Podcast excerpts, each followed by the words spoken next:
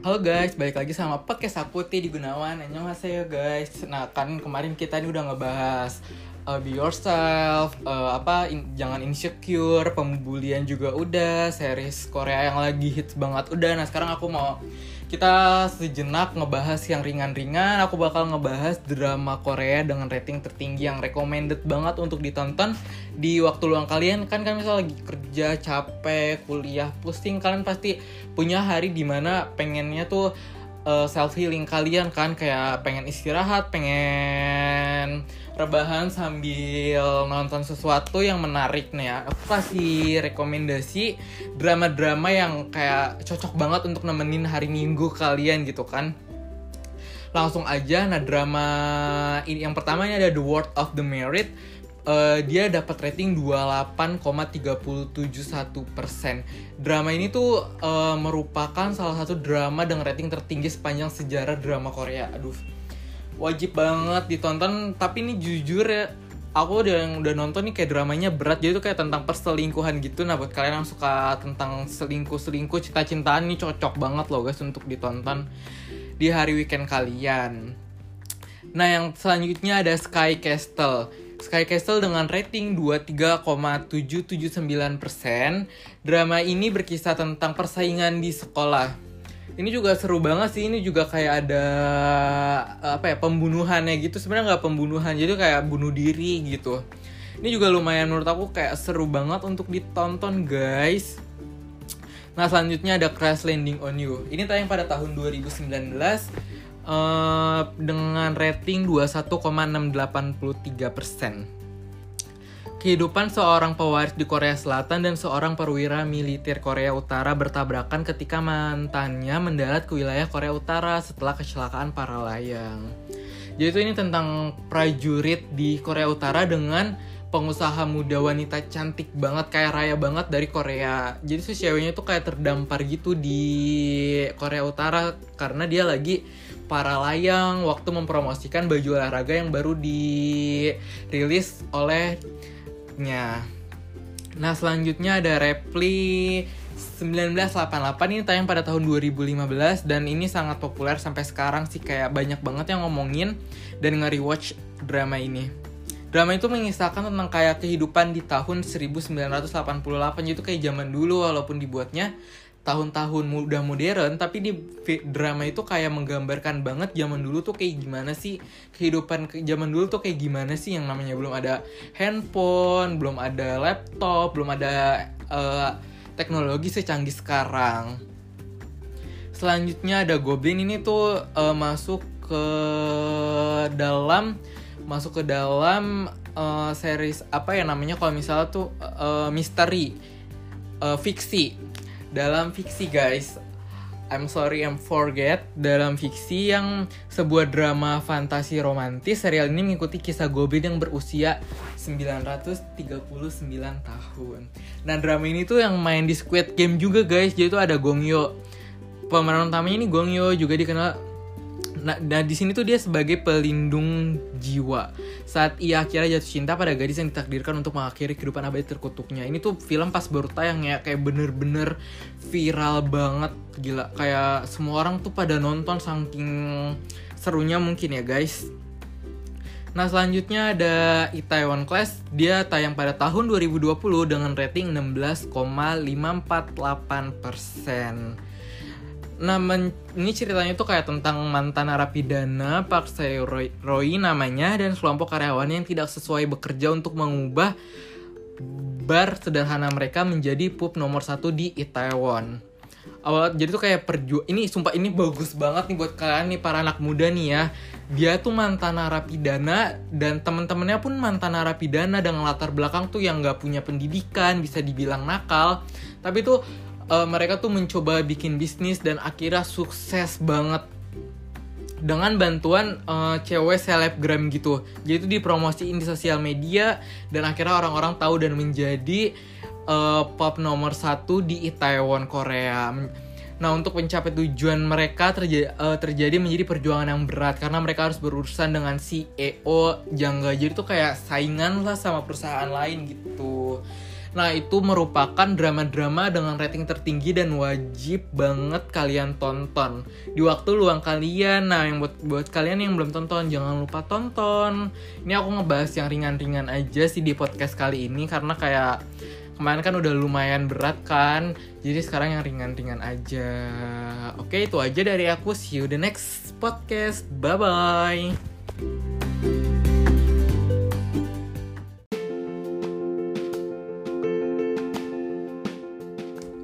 Halo guys, annyeonghaseyo, balik lagi sama podcast aku Teddy Gunawan. Nah kali ini, episode kali ini untuk penutup di season 1 nih Aku mau ngebahas tentang pengaruh budaya Korea terhadap kaum milenial Indonesia. Kita, kita ini kan para kaum milenial Indonesia kan? Atau sebut aja Gen Z gak sih? Nah, berkembangnya budaya Korea di Indonesia merupakan salah satu dampak dari arus globalisasi. Sudah menjadi rahasia umum bahwa globalisasi dapat memperluas pengaruh kebudayaan suatu bangsa ke seluruh penjuru dunia dengan mudah tanpa halangan yang berarti. Meski sejumlah pihak menyatakan bahwa globalisasi berawal dari era modern, beberapa pakar lainnya melacak sejarah globalisasi sampai sebelum zaman penemuan Eropa dan pelayaran ke dunia baru penyebaran nih guys, penyebaran budaya Korea di negara-negara Asia Timur dan beberapa Asia Tenggara, terutama di Indonesia sangat pesat. Karena bebarengan dengan pesatnya perkembangan teknologi yang seakan-akan menghapus sekat dan batas antara satu negara dengan negara lainnya. Nah, kita, uh, sering juga nih disebut da, uh, dengan Korean Wave atau uh, gelombang Korea atau bisa disebut Hallyu uh, mampu memperkenalkan budaya Korea Selatan kepada rakyat Indonesia dengan baik, bahkan cenderung mempengaruhi gaya hidup pemuda di Indonesia. Kalian udah terpengaruh belum nih gaya hidupnya? Mulai dari selera musik, gaya berpakaian, makanan, cara bersikap, produk kecantikan, dan lain sebagainya. Kalau yang aku lihat sini ya, dari gaya berpakaian, selera musik, uh, produk kecantikan itu kayak uh, uh, maju banget, sangat pesat di Indonesia sendiri ya guys kalian juga pasti ngerasa kayak gitu kan? Nah, selanjutnya nih ya, mayoritas kaum milenial menganggap bahwa film Indonesia memiliki alur cerita yang bisa ditebak dan memiliki ending yang biasa aja. Tapi emang bener sih jujur, aku nggak bukan yang ngejelekin perfilman atau uh, kalau film Indonesia jujur li bagus-bagus banget, yang nggak ba bukan nggak bagus, yang kurang lah ya. Intinya tuh kayak seri-series di televisi banyak banget yang saat ini tuh sangat tidak mendidik. Uh, jadi tuh kayak KPI-nya ngelarang yang menurut aku kayak nggak masuk di akal. Masa kalian tau gak sih kayak film Doraemon sih sukanya masa di blur? Gila gak?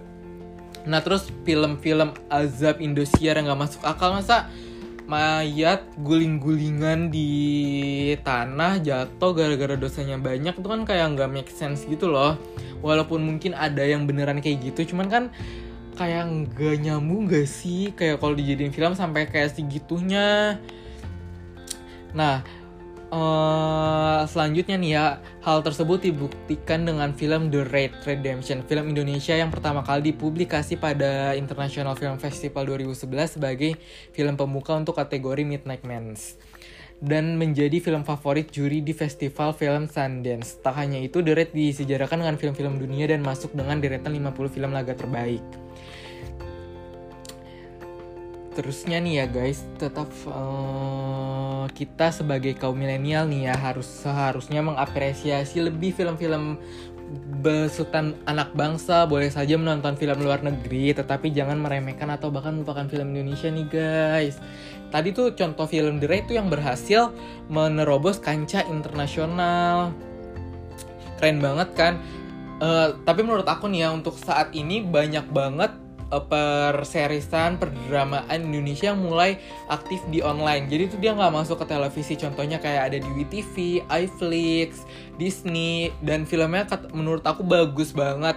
Kayak nggak ada yang disensor-sensor kata-katanya bebas. Mungkin karena uh, udah tidak bisa ditonton oleh anak kecil. Karena kan uh, untuk film di aplikasi harus kayak pas daftar kayak harus umurnya berapa kayak gitu kan terus juga berbayar kan anak kecil nggak mungkin ngerti kayak untuk cara bayar nonton ini nih gimana nih kayak gitu jadi benar-benar yang nonton tuh sesuai umur mereka Uh, selanjutnya lagi-lagi harus globalisasi yang begitu kuat membuat drama dan film Korea menjadi candu yang baru. Segala sesuatu yang berbau Korea sangat digemari oleh sebagian besar masyarakat Indonesia termasuk saya jujur. Maaf ya Indonesia, Para pemain yang ada dalam drama-drama tersebut menjadi idola baru. Terlihat dari banyaknya remaja yang meniru cara berpakaian orang-orang Korea, pakaian yang terbuka dan ketat menjadi pakaian sehari-hari. Tentu saja ini tidak cocok dengan budaya orang Indonesia. Sebenarnya budaya Korea dari segi berpakaian itu kayak berbeda jauh dengan Indonesia. Cuman karena era teknologi yang sangat canggih, dan masuk aja gitu lewat uh, globalisasi, lewat internet, lewat TikTok, Instagram, lewat drama Korea, lewat para artis yang nyanyi di atas panggung. Uh, jadi tuh uh, di Indonesia pada ngikutin tren itu tidak ada salahnya untuk mengikuti tren pakaian yang ada. Namun, sebagian penerus bangsa, sebagai penerus bangsa, sudah seharusnya kita mampu menyaring dan membedakan apa yang baik dan tidak baik nih guys. Bukan tidak mungkin, perlahan-lahan ini akan membuat mereka melupakan kebudayaan asli Indonesia seperti pakaian tradisional. Nah, kalian jangan sampai lupa dengan Indonesia dan jangan lupain pakaian tradisional. Masuknya budaya Korea ke Indonesia bagaikan dua sisi mata uang. Di satu sisi membawa dampak positif seperti meningkatkan kecintaan masyarakat terhadap musik, kreativitas, ketertarikan masyarakat untuk mempelajari budaya bahasa dan tren dari Korea. Hal tersebut dapat memperluas wawasan dan dimiliki tentang negara lain karena kemajuan teknologi dan transportasi serta banyaknya penggemar grup musik Korea sering menyambangi Indonesia untuk melakukan konser. Tentu saja akan menarik media internasional untuk meliputnya. Ternyata banyak juga hal positif yang kita dapat dari uh, wave Korea gelombang Korea ini yang masuk ke Indonesia dan memperkenalkan Indonesia ke kancah internasional juga ke negara-negara lain kayak misalnya dan baru-baru ini pun Kopiko, permen Kopiko kalian tahu uh, mereka debut di drama Korea. Jadi tuh kayak uh, iklan gitu loh. Jadi kayak uh, si pemeran utamanya makan permen Kopiko keren banget gak sih? Bahkan eh, produk-produk Indonesia yang original Indonesia aja tuh udah berani untuk mengiklankan uh, produknya di drama Korea. Udah beberapa kali saya uh, aku lihat ya kayak uh, produk-produk yang di debut di di drama Korea.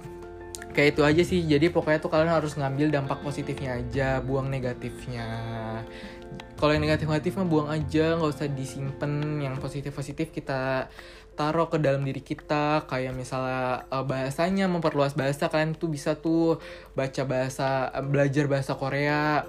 Nah terus kalau misalkan nonton drama nih ambil sisi positif ya kayak jangan pantang menyerah jangan mudah percaya sama orang harus mandiri berusaha berjuang biar bisa sukses. Karena kan bisa contoh itu. Kayak gitu. Itu aja sih dari aku. Pengaruh di apa gelombang Korea di Indonesia budaya Korea terhadap kaum milenial Indonesia si uh, ini aja season satu dari aku. Udah 5 episode nggak nyangka ya secepat itu. See you the next podcast. Bye bye